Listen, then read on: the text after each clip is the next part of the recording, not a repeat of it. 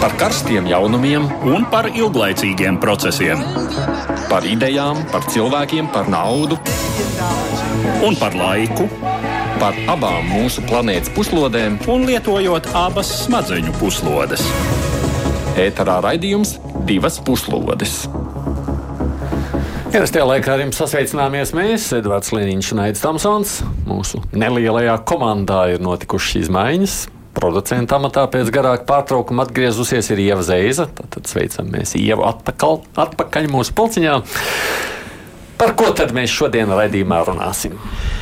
Runāsim par Ukrainas parlamenta vakar balsojumu. Apstiprinot līdzšinējā aizsardzības ministra Oleksija Rezņikova demisiju. Kāpēc ministram bija jāatkāpjas?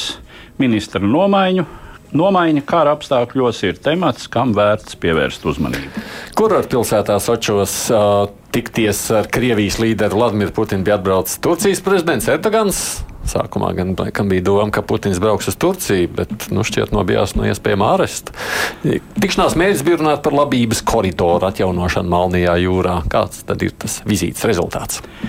Un vēl daļu no ētera laika gribam veltīt Afganistānai. Ir apritējuši jau divi gadi, kopš pēdējais NATO karavīrs atstāja šo valsti, un kopš tā laika talību vadība ir pievilkusi ar vien ciešāk savas varas grožus. Kopā ar mums studijā notikums komentēs ārpolitikas eksperts Veikals Polīts. Sveicināti! Labdien! Un mēs pievēršamies vispirms notiekošiem Ukrainā. Pirmdien Ukrainas līdzinājais aizsardzības ministrs Oleksijas Rezņikovs iesniedza prezidentam Zelenskim atkāpšanās rakstu. Šīs solis sekoja valsts galvas svētdienas paziņojumam, ka viņš plāno nomainīt Rezņikovu ar Rustemu Umerovu. Krimas tatāru izcelsmes uzņēmēju, kurš līdz šim ieņēma Ukrainas valsts īpašumu fonda vadītāja amatu. Vakar Rezņikovam demisiju apstiprināja arī Ukrainas augstākā rada. Umerovam paredzēts stāties amatā šodien. Rezņikovs ieņēma aizsardzības resora vadītāja amatu 2021. gada novembra sākumā, nepilnus četrus mēnešus pirms Krievijas pilna mēroga iebrukuma Ukrainā, un viņa nopelni Ukrainas sekmīgā pretestībā agresijai ir neapšaubāmi. Kā sevišķi nozīmīgs tiek vērtēts Rezņikova ieguldījums tā saucamajās Rāmsteina formāta sarunās, kas veido sabiedroto militāro atbalstu Ukrainai. Šajā procesā Ukraina saņēmusi arvien efektīvākus bruņojuma veidus, kuru piegāde sākotnēji tikusi atteikta. Tomēr publiskajā telpā sevišķi pēdējā pusgadā vairojusies informācija par problēmām aizsardzības resorā, neadekvātiem iepirkumiem un korupciju, kas, kā zināms, ir Ukrainas pārvaldes struktūrās plaši izplatīta liga.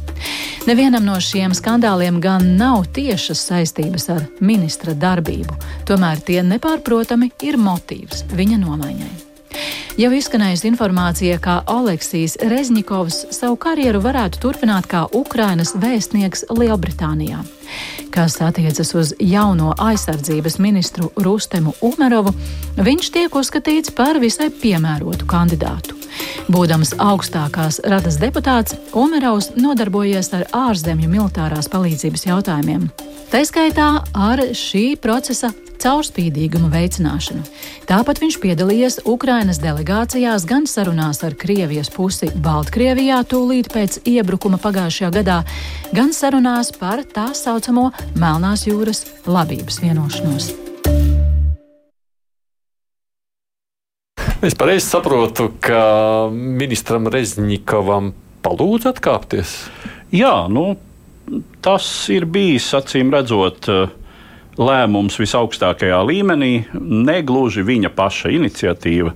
Tā situācija, protams, tiek vērtēta, tikusi vērtēta, tas, kas ir noticis uh, pēdējos mēnešos, nu, viss mediju un vispār sabiedrības noskaņojuma fons kontekstā nesevišķi, uh, pag, respektīvi, pagaidām ar pieticīgiem panākumiem notiekošais Ukraiņas pretuzbrukums kur, protams, ir objektīvi iemesli. Krievija ir pamatīgi nostiprinājusies tais pozīcijās, kuras Ukraiņi mēģina uzlauzt. Tas ir ļoti sarežģīts uzdevums.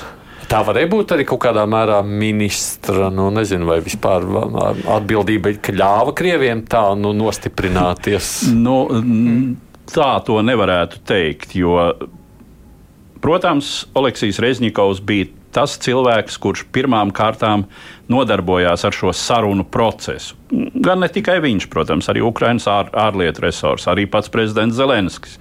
Bet uh, nu, viņš bija tas Ramstein, Ram, Ramsteinas cilvēks Ukraiņiem numur viens. Uh -huh. Un, protams, ka tas, ka Krievija tik ilgi varēja šīs pozīcijas gatavot, izrietēja no tā, cik salīdzinoši lēni Ukrainā nonāca nepieciešamais bruņojums. Bet tā nav gluži uh, Rezņiko. Tā, tā vispār nav īsti Rezņiko atbildība. Viņš darīja, ko viņš varēja šajā savā postenī, uh, bet uh, tur ir iesaistīti daudz plašāki procesi.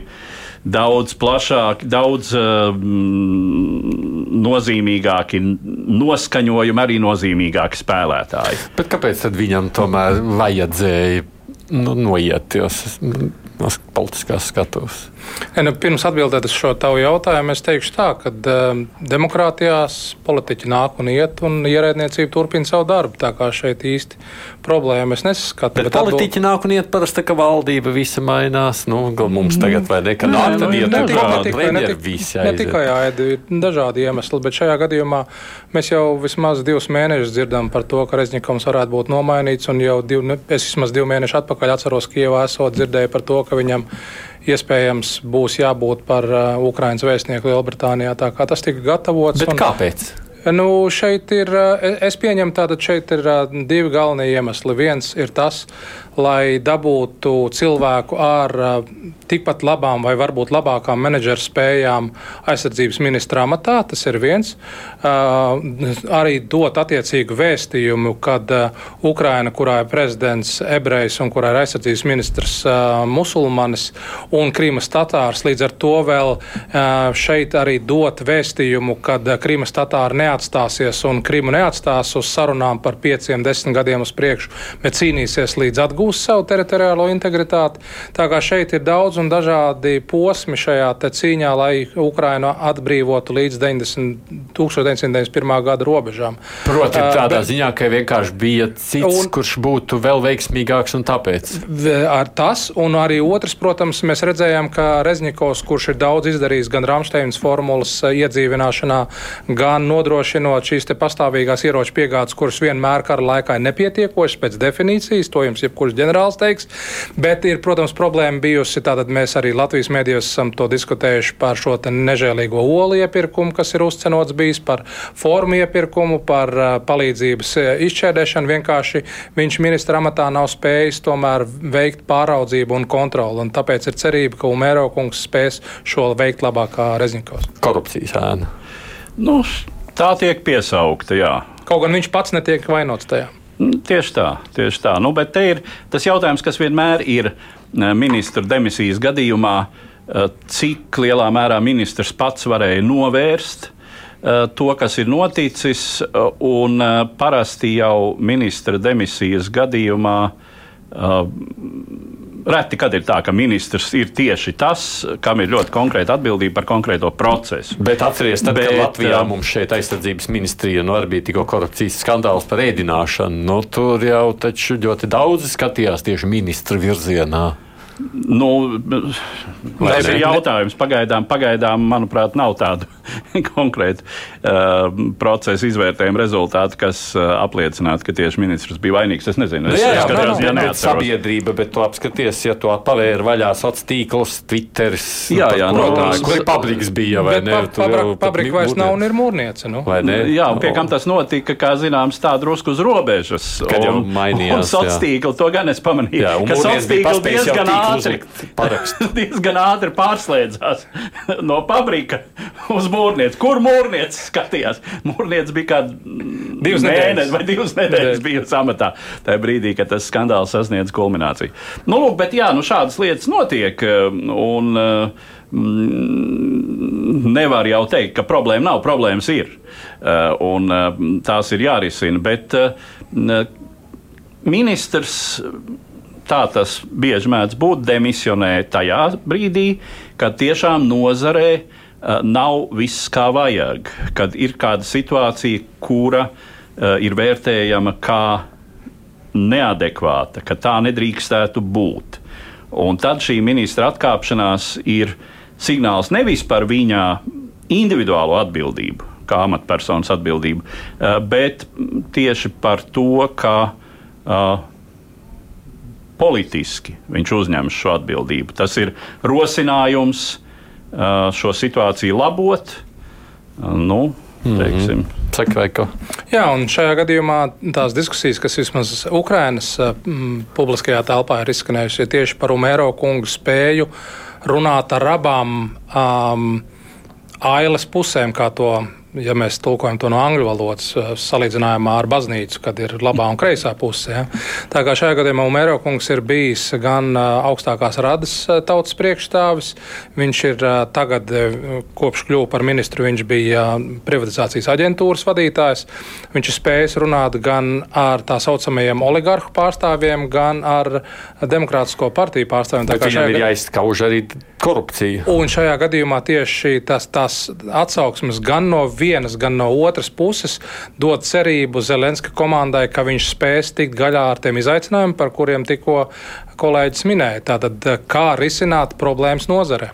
Edvards, te bija saruna ar Ukraiņu kolēģi par notikušo. Jā, mūsu regulārs komentētājs Kijevā, Ukraiņu politologs Dmitro Ļevus. Cik lielā mērā ministra Rezņikova atkāpšanās ir saistāma ar konkrētajiem korupcijas skandāliem, kas pēdējā laikā parādījušies masu medijos? Не стоит, наверное, говорить о том, что это действительно большие проблēmas. Laikam gan nav vērts runāt par to, ka te būtu tiešām kādas lielas problēmas. Vēl jau vairāk, kā tiek teikts, ka it kā korupcijas problēmas. Nav kāda tāda sistēmiskuma šajos pārkāpumos. Vēl jau vairāk uzskaitas un iesaukšanas biroja darbība vispār neatiecas uz aizsardzības ministra kompetenci. Tā ir teritoriālo komplektēšanas centru sistēma kas atrodas sauszemes spēku pavēlniecības struktūrā. Manā ieskatā viņš ir viens no efektīvākajiem ministriem. Te drīzāk var runāt par sabiedrības pieprasījumu pēc pārmaiņu nepieciešamības, ar ko arī saistāma notikusi mediju aktivitāte. Медийная активность, которая и была. Vai ministra demisija, tavuprāt, bija komandas lēmums vai vairāk viņa paša iniciatīva? Я думаю, что это командное решение. Более того, это решение сверху. Domāju, ka tas ir komandas lēmums. Turklāt tas ir lēmums, kas nāk no varas vertikālis pašas virsotnes. Šeit jau nav runa par sodu, ne arī par aizsardzības ministra Rezņikova pilnīgu aiziešanu no politikas. Katrā ziņā ir ļoti pastāvīgas runas, ka viņš varētu kļūt par vēstnieku Lielbritānijā. Kas līdz ar Lielbritānijas aizsardzības ministra viņam izteikto pateicību ir norāde vismaz uz to, rietumu sabiedrotajiem šajā sakarā pret viņu nav pretenziju. Reznikovs patiešām ir visai efektīvs. Viņš veidoja Rāmsteinas sistēmu, un tas ir liels ceļš, kas tika noiets. Gluži tāpat kā apgādes jautājumos Ukrainas iekšienē. Ministra nomaiņas sakarā, es domāju, ir vēl viens moments. Šis motīvs parādās jau otro reizi. Pirmoreiz tas bija jau pirms dažiem mēnešiem, taču toreiz nomaiņa nenotika. Manuprāt, tas runā par labu Ukrainai taiziņā, ka ir varas pārliecība par to, ka tiks nodrošināta stabila amata nodošana, ka ir stabils ministrijas darbs, ka diezin vai notiks visas ministrijas komandas nomaiņa. Krievi pauž ļoti aktīvas cerības, ka tas tagad novedīs pie turbulences un nestabilitātes, bet tā jau ir tradicionālā Krievu slimība. Viņi jau katrās ASV prezidenta vēlēšanās gaida, ka tagad nāks jauns prezidents, kurš būs Krievijas cilvēks vai vismaz piespēlēs Krievijai. Kā tu vērtē jaunā ministra Rustema Umerova kandidatūru? У нас министр обороны в условиях войны и вот необходимости организации Pie mums šajos kara un palīdzības organizēšanas nepieciešamības apstākļos liela loma ir aizsardzības ministra starptautiskajiem kontaktiem.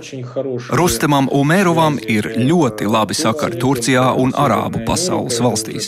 Tas ir ļoti zīmīgs moments, vēl jau vairāk tāpēc, ka runa ir par nepieciešamību paplašināt palīdzību Ukrainai. Jā, Ramsteina tās jau ir 54 valstis, ne tikai Eiropa un Ziemeļamerika, bet arī Latīņa Amerika un arī dažas Arābu valstis. Šobrīd Ukrainas mērķis ir globālas atbalsta koalīcijas radīšana, par ko ir runa Zelenska miera formulā. Tad aina kļūst pilnīgāka. Umērova kā ministra ar plašu starptautisko funkcionalitāti loma kļūst daudz acīm redzamāka.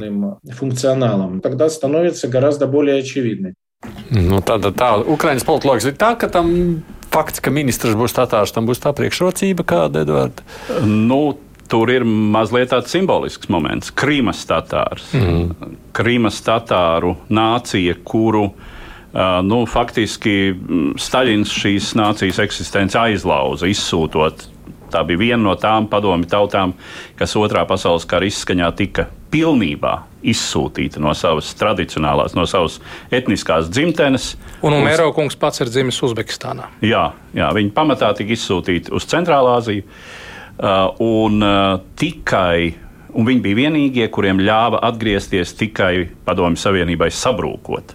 Ja, teiksim, Čečeni varēja atgriezties jau pēc Staļina nobeigšanās, tad uh, Krimas tatāri bija spiesti pavadīt attiecīgi, cik nu tur iznāk gadus. Jā, uh, Vairāk kā 50. Jā, uh, praktiski 50 gadus pavadīt prom no dzimtenes. Uh, Uh, un uh, skaidrs, ka nu, salīdzinoši jau atgriezās neliela daļa, un viņu uh, proporcionālais iedzīvotāju skaitā tas lielums Krimā, daudzums Krimā ir, protams, ļoti sarūcis. Pats salīdzinot ar to, kas bija teiksim, padomju laikā, pirmajās padomju desmitgadēs. Tā kā Krimas tātārs šai amatā ir eh, zināmā mērā simbolisks apliecinājums, ka tiek spērts solis. Es atļaušos tādu individuālu momentu. Eh, mums draugos ir viena Ukrainas bēgle, Tatjana un viņa Tatjana Verbovāja. Viņa strādā Rīgā par pavāri. Un viņa Vakar bija tieši pie mums ciemos, un mēs par šo ierunājāmies. Viņi bija spiesti savā laikā atstāt mm, pēc lielā kara sākuma Krimā savu viesunām, kas viņai tur piederēja. Un viņa te jau ar asarām acīs vakar saka, Es ticu, ka tas ir solis, tas ir solis atpakaļ uz manu Krimu. Mēs tur būsim.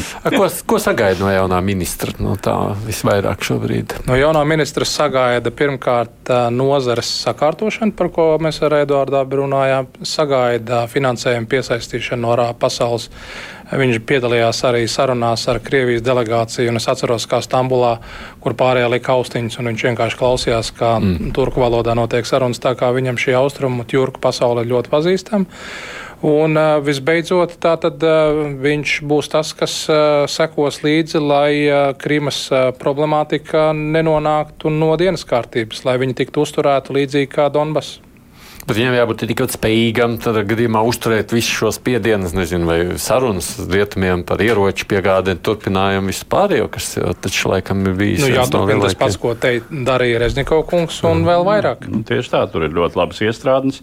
Es domāju, ka viņam kā lietišķās pasaules pārstāvim pirmām kārtām, kā tiešām darījuma cilvēkam, nebūs problēma arī, arī rietumu virzienā. Uh, un, jā, nu, protams, Turcija, tad, starp citu, es neesmu paskatījies to statistiku, bet, manuprāt, Turcijā šobrīd ir lielākā Krimas tatāru kopiena. Jā, pie 380 tūkstošiem. Jā, nu, tie, kas sevi identificē. Lielākā tiesa viņi dzīvo Eskašehīras pilsētā, viņi ir apmetušies, viņš viņi ir liels lobbijs arī jebkurai Turcijas valdībai, bet jā, viņi. Bet viņiem ir jāspēj arī šos koruptīvos skandālus, kas tur uh, šeit parādās, runājot par armijas, nu, kaut kādā pašā formas iepirkumu, vēl visām pārējām lietām, nu, kur ir aizdomas par to, ka kāds piesavinās taču naudu. Mēs tikko dzirdējām, arī Lietuvas prezidents Gitāns Nausēda arī atgādināja, ka patiesībā ieroču piegāžu palielināšanās bija saistīta tieši ar šiem koruptīviem darījumiem. Nu, kas nozīmē, ka nu, kaut kā, ko neizdarīja Reiznikovs, tas būs jāizdara šim ministram. Tieši tā. Nu, acīm redzot, un izdarāms tas ir. Nu, protams, tas, kas tiek atzīmēts, ka Umero kungs ir kā uh, deputāts nodarbojies taiskaitā tieši šajā sfērā ar uh, procesa pārskatāmības nodrošināšanu. nodrošināšanu jā. mm. Tieši, Un pabeidzot tikai sarunu par šo ministru maiņu, frontē nekādi neizjutīs to, ka tur ir cits ministrs. Es domāju, pilnīgi ne. Jo? Vienīgi nu, jābūt ar uzlabojumiem. Ja būs vairāk piegādes, jo ātrāk šis nežēlīgais Krievijas karš beigsies. Uh, armijas vadība nepakļaujas ministram. ministram. Armijas vadība pakļaujas prezidentam tieši tā, ka tas ir Zalužņīkungs, ģenerālis Zalužņīs, kurš, kura priekšniecība ir tieši uh, prezidents. prezidents. Un ministra funkcija ir nodrošināt armiju ar visu piegādi, nepieciešamo, jā. Jā, mm -hmm. loģistiku atbalsta funkcijas. Jā. Vienkārši es kāpēc to jautāju? Tāpēc, ka no otras puses, nu, te tika pieminēts tajā intervijā no Ukraiņu kolēģi, ka sabiedrības spiediens kaut kāds ir bijis, jā, tā prasība, tā vēlme. Ja, nu, šajā gadījumā, ja runājam par sabiedrības spiedienu, jā, man arī esot Ukrainā, nemitīgi ir dzirdēti šie koruptīvie gadījumi, un, un tas ir saprotams. Vai tas ir miera laiks, vai jo vēl jau vairāk kara laikā cilvēki ir neapmierināti ar koruptīviem darījumiem. Tas ir ļoti cilvēciska vēlme to redzēt, un līdz ar to šādi te atbrīvojot vienu ministru, lai kā arī tur nebūtu, tas ļauj sabiedrībai nolaist vaiku. Var redzēt, ka sabiedrības vēlmes ir saklausītas, tātad mēs liekam jaunu ministru un ceram, ka viņš risinās šo jautājumu labāk. Nu, jāsaka, jau kā ir, ko arī atzīst Ukraiņu teiksim, novērotāji un, un analītiķi. Protams, kara laikā korupcijas riski pieaug. Jo ir procesi, kas notiek ātri, ir procesi, kas notiek neizbēgami, haotiski, neregulāri, ir jāimprovizē. Un šajā situācijā nu, tas ir bijis visos karos. Ja? Tas, tas, tas teiciens, ka karš visu norakstīs, un karš patiešām daudz ko noraksta. Bet, tur morā. Bet morāli jau nu, tas ir, liekas, nu, tur, protams, arī kara situācijā, kara situācijā parasti arī likumi darbojas citādi. Un Jā. par uh, pārkāpumiem, kas miera laikā tiek, teiksim, aprobežojas ar jā. ieslodzījumu, kara laikā var pielikt arī pie sienas. Jā, nu, šobrīd laikam ne Ukrainā, ne Latvijā nevar pielikt īsti pie sienas, jo um, nāves sots principā ir atcelts, atcelts. bet uh, soda mērs var būt krietni smagāks. Pieminotā Krievija un arī Turcija, tad jāsaka, tā tad pirmdien tur Proti, Krievijā bija ieradies Turcijas prezidents, lai spriestu par iespējām atjaunot labības eksporta koridoru Melnajā jūrā. Melnās jūras labības iniciatīva, bieži dēvēta par labības vienošanos, varētu drīz atkal stāties spēkā. Šādi starptautiskā prese interpretē Turcijas prezidenta Raģipa Taijipa Erdogana teikto preses konferencē pēc tikšanās ar agresoru valsts Krievijas vadoni Vladimiru Putinu pirmdien Melnās jūras kurortā Sočos. Citējot precīzi, Turcijas līderis pauda, ka abi sarunu partneri drīz spēs panākt risinājumu, kas piepildīs gaidas. Grūti gan teikt, ko varētu nozīmēt šis drīz. No vienas puses, pati labības vienošanās noslēgšana pagājušā gada jūlijā bija nepārprotams Turcijas līdera diplomātiskās jaudas apliecinājums. No otras puses, Krievija visnotaļ apzinās, ka Ukrainas lauksaimniecības produkcijas eksports uz trešās pasaules valstīm, respektīvi Krievijas iespējas šo eksportu bloķēt, ir iedarbīgs ietekmes instruments. Šī izpratne, acīm redzot, arī bija galvenais motīvs, kāpēc šī gada jūlijā Krievija atteicās pagarināt vienošanos un uzsāka mērķtiecīgus raķešu un dronu triecienus Ukrainas ostu infrastruktūrai. Tiesa šie triecieni ir pierimuši pēc vairākiem ukrāņu peldošo dronu sekmīgiem uzbrukumiem Krievijas militārajiem un civilajiem kuģiem. Kremļa nosacījumu vienošanās darbības atjaunošanai ir ierobežojumu atcelšana Krievijā ražotās pārtikas un minerālu mēslu eksportam. Šīs produkcijas eksports nav pakļauts tiešām sankcijām, taču, kā norādījusi Krievija, grūtības radot ar maksājumiem, loģistiku un apdrošināšanu saistītie ierobežojumi. Viena no prasībām esot Krievijas lauksaimniecības bankas jeb Rossellhozbank pieslēgšana atpakaļ starptautiskai norēķinu sistēmai SWIFT. Minētajā preses konferencē Putins paziņoja par plānu eksportēt uz Turciju miljonu tonu Krievijas labības par samazinātām cenām, lai vēlāk šī labība pārstrādāta Turcijas rūpnīcās, tiktu nogādāta valstīs, kuras cieš no pārtikas trūkuma. Tāpat Krievija esot gatava kā humāno palīdzību piegādāt sešām Āfrikas valstīm pa 50 tūkstošiem tonu labības katrai. Turcijas prezidents arī izteicās, ka Ukrainai vajadzētu mīkstināt savu pozīciju attiecībā pret Krieviju. Reaģējot uz to, Ukrainas ārlietu ministrs Dmitro Kuleba Ukrainas televīzijas pārraidē paziņoja, ka viņa valsts negrasās atteikties no principiālas nostājas nevienā no būtiskajiem jautājumiem.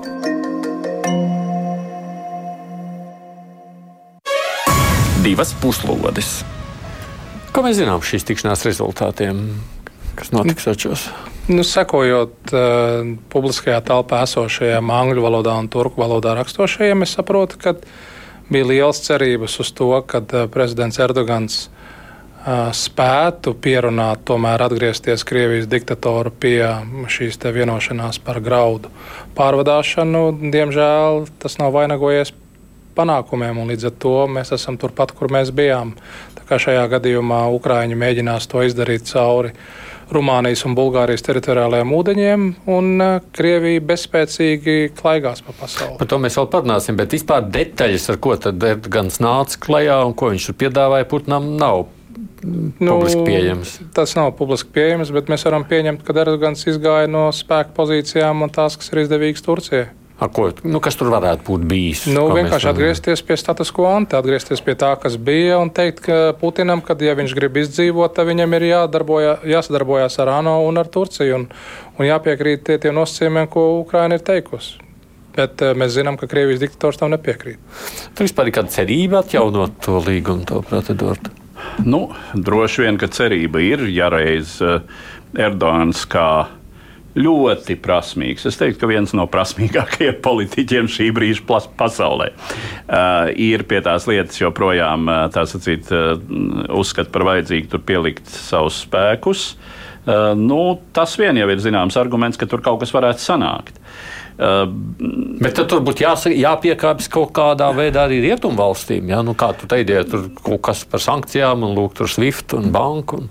Jā, nu visdrīzāk, eh, visdrīzāk tad būtu jāpiekāpjas arī Ukrainai, jo eh, nu, it kā mm, vismaz eh, principā nu, teiksim, mm, tās sankcijas, kas pret Krieviju ir, nu, to atcelšana prasītu arī Ukraiņas piekrišanu. Es, es tagad neatceros, nu, tā līgumos tas laikam īsti nav fiksēts, bet nu, tas ir tāds nerakstīts princips. Jā, bet nu, tad varbūt Ne jau Turcija jau nevarētu nolemt, ko, ko, ko spriež rietumu. Nu, šajā gadījumā, protams, runa būtu par to, ka atgrieztos pie tā, kas ir bijis. Bet tas eh, nozīmē to, ka mēs zinām, ka Krievija nav to vēlējusies. Viņi ir pēc būtības nu, es, situācijā. Nu, Pagaidiet, Turcijas prezidents sacīja, ka viņš kaut kādu jaunu, jaunu priekšlikumu brauc. Nu, nebija tā, ka viņš teica, ka tikai veco vajadzētu atjaunot. Viņš jau tur kaut ko jaunu teica. Nu, bet ne jaunais, nedz arī vecais nav iespējams dabūt cauri, jo mēs zinām, ka Krievijas diktators nes, nespējas un nevēlas neko darīt. Un mēs arī zinām to, ka šobrīd gan rietumu sabiedrotie un Erdogans, kas bija teta teta ar šo diktatoru, eh, pirmkārt novērtēja, kāds veselības stāvoklis ir šim te diktatoram kā tādam, jo mēs nezinām, arī šeit bija runas par to, vai tas būs tas dubultnieks, kas ieradīsies, vai būs tas īstais. Un bija runas arī par to, ka viņš gribēja to īsto redzēt. Tā kā šeit arī ir ļoti daudz neskaidrību. Bet, eh, jebkurā gadījumā, jautājums ir par to, ka Krievijas situācija kļūst aizvien sliktāka un sliktāka no pārvaldības viedokļa. Šis te mafiju karš Krievijā nu, briest. Bet Krievijas realitāte, nu, tā kā izskatās, tātad Krievijas mērķis, viņi negrasās izskatās īpaši tur šobrīd iespringt par atjaunošanu, viņi vienkārši bombardē prom visu infrastruktūru, ko nu, Ukraiņiem ir ostās. Nu, šobrīd jau mazāk, ne, nu, notiek, notiek apšaudas, bet šķiet, ka tās atkal bija. Uh, šķiet, ka šīs, uh, šie raķešu, raķešu triecieni vairs nav tik mērķtiecīgi mērķēti tieši uz ostas infrastruktūru. Nu, ne, nu, lai gan, lai gan jāsaka, Ukraiņu pretgaisa aizsardzība arī darbojas diezgan efektīvi. Uh, tā izskaitā mm, Odesas un Mikolājevas rajonā, kas ir galvenās Ukraiņas ostas pie Melnās jūras. Nu, Tur patiešām īsti nevar prognozēt. Šobrīd šķiet, ka, ka Krievija ir ieņēmusi tādu, nu, pirmām kārtām Putins ir, ir ieņēmis tādu spītnieku pozīciju, ka ne par ko. Mm. Es domāju, ka arī pirms gada, nu jau vairāk kā pirms gada, tā, tas līgums tika slēgts no Krievijas puses ar cerībām, ka tai izdosies ar šo piekāpšanos pēc tam atslēgt vairāk durvju, panākt sankciju mīkstināšanu. Nu, tas bija tā tāds avansiņš. Ja. Un noliecot globālo dienvidu pozīciju pret Ukrainu, bet nekas jā, neizdevās. Tieši tā, tieši tā jā, iz, izrādīties. Nu, tas, tā politika, ko mm, Putins turpina ar šiem labības piesolījumiem, un droši vien nu, tās tie desmit tūkstoši tonu, kas ir tāds sīkums uz Krievijas Krievijas labības ražošanas fona, tie arī tiks iedoti. Bet jā, tādu vienotu, teiksim, Āfrikas, ekvatoriālās Āfrikas valstu vai vēl jau vairāk visu globālo dienvidu fronti viņam nav izdevies radīt. Nu, pie tam izskatās, ka Āfrikas pārtikas problēmu var atrisināt arī citādi, jo, jo Eh, kā šķiet, tad lielākie noņēmēji tomēr Ukrainas un arī Krievijas labības eksportam ir Ķīna.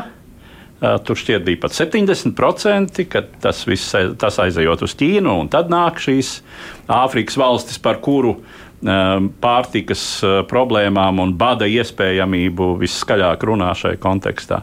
Tā pašā laikā Ukraiņiem, protams, interesē, lai viņi to savu izaudzēto labību dabūtu prom. Tā skatoties uz viņu reakciju, izskatās, ka viņi tā baigi arī nemaz nav ieinteresēti to vienošanos ar Krieviju kaut kādā mērā, lai Turcijas prezidents būtu kaut ko panācis. Viņi... Nenoliedzami šajā gadījumā arī Um, biju trīs nedēļas atpakaļ Ukrainā, kur apmeklēju Černihivas apgabalu. Un um, Ukrāņu kolēģi ļoti skaidri runāja, ka viņi ir interesēti arī par savas labības eksportu caur Baltijas jūras, tā skaitā Latvijas ostām. Viņi ar Krieviju nerēķinās it nemaz. Un šajā gadījumā, jo sliktāk Krievijai, jo labāk Ukrainai. Tā ir Ukrāņu nostāja. Un šajā gadījumā atgriezties pie vienošanās, kas īsti viņiem neko nedēva, Ukrāņi nav ieinteresēti. Viņiem Bet galvenā... ir iespējas tiešām izveidot tādu alternatīvu, kas spēj. Nu, nu, es domāju, ka šajā to... gadījumā Edvards teica šo atslēgas vārdu. 70% labības iet uz Ķīnu, un Ķīna ir atslēga. Ja Ķīna lems ka šo jautājumu vajag risināt, tad to arī risinās. Ja Ķīnai to nevajadzēs, nu, tad viņš var palikt gaisā karāties, un tas būs tikai iegūms Ukrainai un zaudējums Krievijai. Jā, un šeit ir šie alternatīvie maršruti, kas, protams, sadārdzina Jā. procesu, līdz ar to sadārdzina produkta gala cenu. Ir, ir problēmas, kā mēs to arī atceramies, tātad ar šo tranzītu cauri pirmām kārtām Centrāla Eiropas valstīm, kur, kā zināms, vienā brīdī šis tranzīts tika pat apstādināts, apstādināts nobremzēts, tāpēc, ka izrādījās, ka pārāk daudz it kā tranzītā sūtāmā paliek tomēr šo valstu teritorijās, attiecīgi viņu pārtiks ražotāji. Un tas tagad ir atrunāts gan Rumānijā, gan Polijā, ka tomēr tāda tranzīcija tranzītā nevis paliek vietā Polijā un Rumānijā. Jā, nu vienkārši ar stingrāku kontroli tas mm. tiek īstenots. Tā kā patiešām nu, šis maršruts kas ir īsākais uh, cauri Melnajai jūrai ar kuģiem, bet uh, nu, kara apstākļos visproblemātiskākais. bez tā var iztikt. No, nu, nezinu, un divi kuģi jau ir aizgājuši cauri Rumānijas un Bulgārijas teritoriālajiem ūdeņiem, tā kā tas turpināsies. Nu, tajā pašā laikā Krievija mēģina bombardēt, lai tur tas. Nu, bet viņi nevienu kuģi vēl nav nobombardējuši. Mm, viņi zina to, ka, ja viņi to darīs, tad viņi dabūs arī precitienu no starptautiskajām apdrošināšanas kompānijām, tā kā viņi arī tajā nav interesēti. Bet, eh, ja vēl šajā sarunā piemin to aspektu, ka sākotnēji jau bija laikam doma, ka Putins varētu aizbraukt uz Turciju, bet beig beigās neaizbrauca. Nu, mēs redzam, te ir katastrofa pēc katastrofas. Šajā gadījumā gan Dienvidāfrikā, tagad Turcijā, papildus vēl mums ir Ņūdēlī, tūlīt sākās G20 tikšanās. Bet varētu būt tā, ka tiešām. Nu, Turki varētu viņu arestēt Stambulā. Es to neizslēdzu. Es to neizslēdzu. Nē, protams, ka nē, jo viņš ir tik vājš mēs redzam, viņa pozīcijas kopš 24. jūnija ir ļoti, ļoti vājas. Tātad kopš Prigožina dumpi. Kurš pats jau ir nelaiķis? Nu jā, nu, droši vien, ja Erdogans dotu vārdu, ka Vladimir, nu, mēs tevi neaiztiksim, ne, neturpināsim krātiņā uz kāgu, nesūtīsim, tad, tad droši vien varbūt uh, Eh, varbūt tas arī nenotiktu. Bet, bet atcīm redzot, viņš vārdu nav devis. Nav devis vārdu, jā? es pieļauju, ka nē. Nu, nu, Veiko jau varbūt vairāk var komentēt, cik, teiksim, Turcijas prezidentam ar viņa nu, jau pusautoritāro varu ir iespējas uh, nu, tomēr ietekmēt, liekt Turcijas tiesu instancēm un likumsargiem darīt, darīt to, kas būtu viņu pienākums.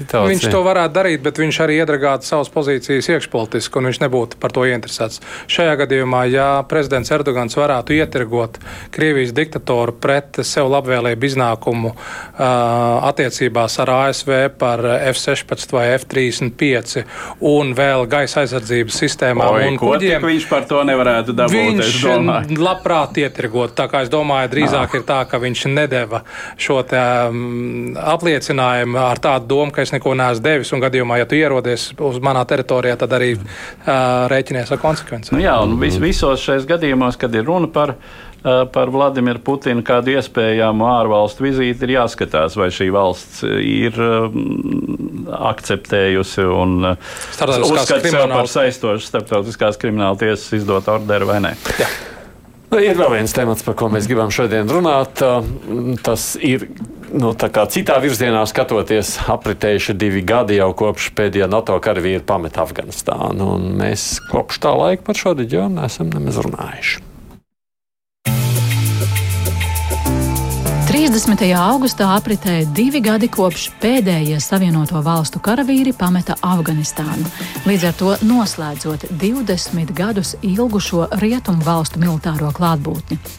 ASV vadītās koalīcijas iebrukums 2001. gadā sagrāva toreizējo radikālās islāmistu kustības Taliban varu taču tā arī nespēja iznīdēt tās ietekmi, un talibu pretestība turpinājās visas šīs divas desmitgades, prasot kā rietumvalstu karavīru, tā afgāņu dzīvības. Galu galā 2020. gada februārī tika noslēgta vienošanās starp kustību Taliban un Savienotajām valstīm par pakāpenisku amerikāņu karaspēka izvešanu apmaiņā pret talibu apņemšanos nedot pajumti to kontrolētajās teritorijās islāma teroristu organizācijām. Vienošanās tika slēgta, nepiedaloties toreizējai Afganistānas Islāma Republikas valdībai, un Savienotās valstis neuzņēmās garantijas tobrīd oficiālās Kabulas valdības pastāvēšanai. Kā izrādījās, šī vara nebija spējīga noturēties bez amerikāņu militārās klātbūtnes un sagāzās burtiski kā kāršu namiņš.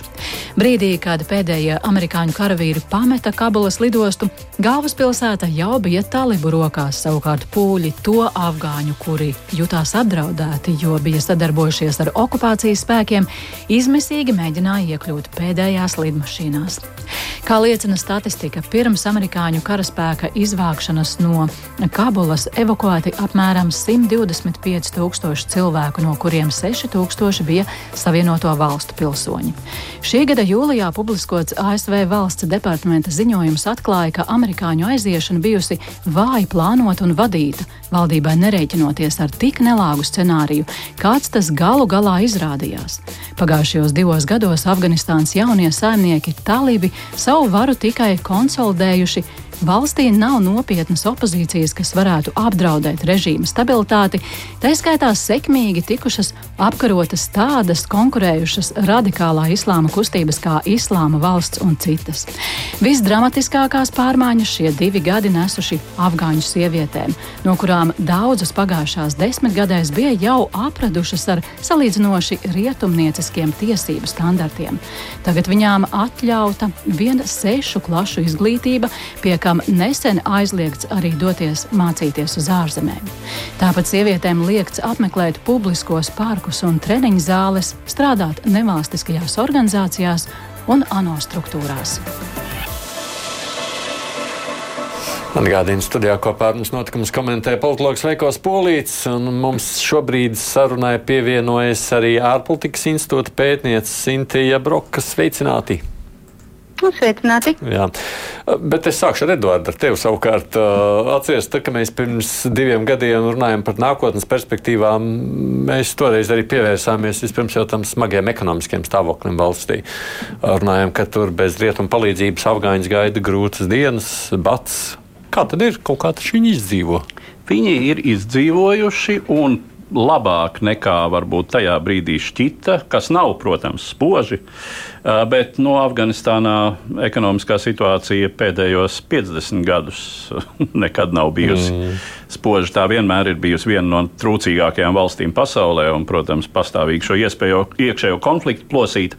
Bet, uh, Eh, viņiem ir izdevies piesaistīt šādas tādas investīcijas no reģiona valstīm, kas pirmkārt ir Pakistāna, mm. kaimiņu valsts ar ļoti ciešām saitēm. Ar Afganistānu arī Ķīna.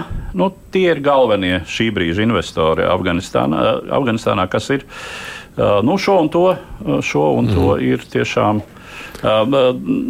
Davuši. Un tas ka, tas, ka šai valstī šobrīd valda pēc daudziem gadiem iekšējs miers. Tas veicina šo investoru gatavību tur kaut ko ieguldīt.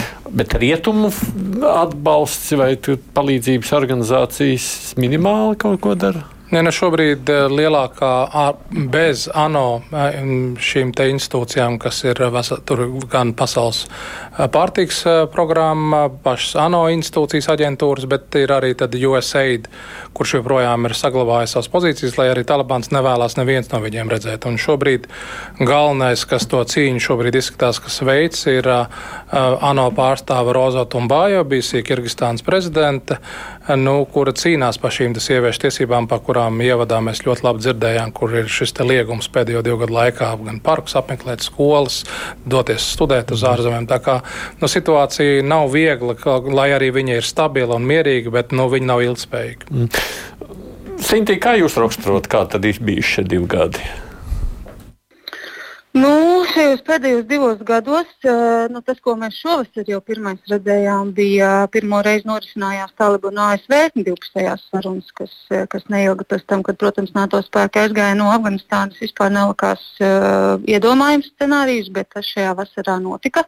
Uh, Tanī pašā laikā, protams, jau iepriekš pieminētais un arī, kas saistās, protams, ar visām investīciju iespējām, ir uh, plašais sankciju režīms, kas noteikti ļoti smagā veidā ietekmē Afganistānas iedzīvotājus, kur eh, viena trešdaļa jau vien dzīvo nabadzībā un ir ārkārtīgi atkarīgi no ārējās palīdzības par to, ko, ko, ko Veiko arī minēja no šīm dažādām organizācijām. Bet, nu, protams, laikam tas starptautiskajai sabiedrībai vissāpīgākais aspekts ir šī sieviešu un meiteņu tiesību jautājuma aizskaršana. Ne tikai dažādi ierobežojumi tādā brutālā izpratnē, bet, eh, bet, bet, bet vēl vairāk bērnu laulības fenomens, piemēram, pēdējos divos gados ir strauji augusi parādība ar dzimumu saistītā vardarbība, protams, kas izriet no gan no ierobežojumiem, gan no šīm bērnu laulībām. Uh, tagad arī pēdējā laikā arvien vairāk varam las, lasīt par pašnāvību epidēmijas atgriez, atgriešanos, ka šobrīd Afganistāna ir viena no retajām valstīm pasaulē, kur, kur, kur sieviešu īpatsvars pārsniedz uh, vīriešu īpatsvaru tieši pašnāvību statistikā. Uh, Uh, bet tāpat laikā, protams, no otras puses, kā mēs varam redzēt, ka pretī šiem visiem brutālajiem pārkāpumiem un, un, un nehumāno politiku, ka tomēr neviena pasaules valsts vēl līdz šim brīdim nav atzinusi talibus kā, kā leģitīmu valdību. Un, lai arī, protams, sarunas notiek, uh, bet nu, tomēr šīs, te, šīs te starptautiskā līmenī talibu iespējas šobrīd ir pietiekami ierobežotas.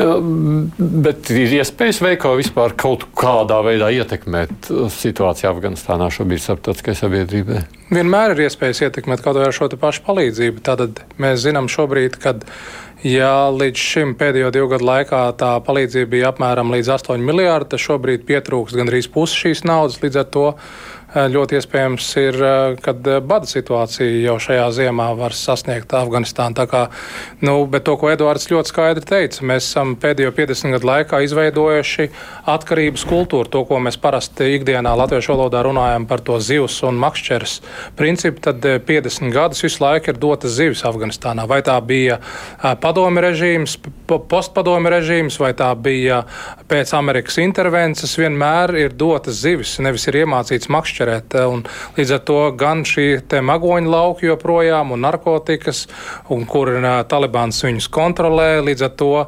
nāk jauni spēlētāji, tā pati vecā labā Pakistāna un vēl arī tagad jaunais spēlētājs Ķīna, kuri nav demokrāti pēc būtības. Tā kā šajā gadījumā situācija ir stabili slikta.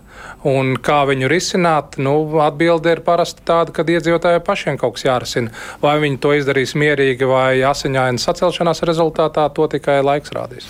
Bet lūk, tas iedzīvotāji paši, nu, viss ir atkarīgs no valsts iedzīvotājiem. Ja valsts iedzīvotāji ir apmierināti ar esošo un neko nedara un nemaina, tad jau vai ne? Jā, un es pat teiktu, ka tieši aiziešana no Afganistānas, manuprāt, iezīmē būtisku robežu šķirtni, kas um, kur lietas būtība ir, ka rietumi pirmām kārtām Savienotās valstis, bet rietumi vispār atsakās no tādas, uh, tāda veida mēģinājumiem ietekmēt situāciju kaut kur citur pasaulē, ārpus teiksim, šīs rietumu. Mm, Pasaules. Jā, rietumu tiesību mm, sfēras, ko kādreiz apzīmēja par brīvo pasauli. Mm -hmm. Tas bija apzīmējums augstākā laikā. Tad bija padomju sfēra un brīvā pasaule nosacīti, un tad bija trešā pasaule. Uh, un uh, šobrīd tā ir atteikšanās no, šīm, no šiem mēģinājumiem, tā tiešā veidā kādam bāzties virsū, rupi sakot, ar savu demokrātiju. Tur, kur sabiedrība ir pati noskaņota cīnīties par demokrātiju un to uzturēt, un te piemērs ir Ukraina. Kura ir gatava karot par to, lai būtu šai rietumu vērtību, brīvības izpratnes daļā, pasaules daļā, kur Afganistāna ir domājams pretējs piemērs redzot to, kas notika, izvācot amerikāņu karaspēku, tā rudimentārā rietumu brīvības kārtiņa, kas tur bija, izkūpēja gaisā, nu, var teikt, dažās stundās uz vēstures procesa fona. Mm. Bet, Veikā, te pieminēja jēdzienu ilgtspējas. Kā tad jums šķiet, cik ilgtspējīgs tad šāda veida tas režīms ir? Nu, es lielā mērā pievienojos, ko abi kolēģi minēja šī situācijas raksturojumam, un tas noteikti nav, nav, nav ilgspējīgs projekts šāda veida. Šāda veida Afganistāna ne iekšpolitiski, ne arī starptautiskā kontekstā. Es neredzu, ka tas ir iespējams. Uh, bet uh, nu, arī tikai varbūt nu, Daudz mēs dzirdam ļoti daudz kritikas attiecībā uz ASV un uz rietumiem un, protams, šobrīd piemērotiem sankcijām, kas skar Afganistānas iedzīvotājus. Un, un, tomēr jāpaturprātā, ka tādā plašākā skatījumā afgāņu ciešanas nav sankciju uh, vai ASV vai rietumu politikas rezultāts, ja tas ir pietiekami likumsakarīgs rezultāts talibu praktizētajai politikai, ko mēs arī esam redzējuši šajos divos gados. Ja, mums ir jāpaturprātā, ka tas ir fundamentālistu grupējums, kas dieva vārdā vismaz pašiem viņiem tā šķiet vēlas transformēt sabiedrību ar visu savu brutalitāti, kas no tā izriet. Un, un, un es pilnīgi pie, pie, pilnīgi pievienojos uh, viedoklim, ka neviens cits no ārpuses to nevar mainīt, un tāpat arī nevajag mainīt. Un, un tik, cik ilgspējīgs tas varēs būt, protams, ir atkarīgs uh, no, no pašiem talibiem, no, no reģionā, reģionālā atbalsta, no viņu mērķiem, kas arī, es domāju, ir, ir svarīgi pastarpināti atzīmēt tomēr arī mm, teroristisko grupējumu vēsturi šajā valstī un šajā reģionā. Un, un, un manā uztverē tā tiešām šobrīd ir bumba ar laika degunu. Tas vienīgais, tas būtu tas pri, pri primārais, kas arī noteikti ir ASV primāro interešu sarakstā, būtu tomēr monitorēt pietiekami uzmanīgi e, šos te jautājumus. Ārpus, protams, arī visu pilsoņu evakuācijas un, un, un, no, no, no Afganistānas, bet, bet kopumā, kamēr vien šī ideoloģija pastāvēs, kamēr nebūs pietiekami spēcīgas opozīcijas šajai ideoloģijai, vismaz reģionā, ja ne starptautiski, tad, tad, tad tādas lielas izmaiņas es neteiktu, ka mēs varētu tuvākajā laikā sagaidīt.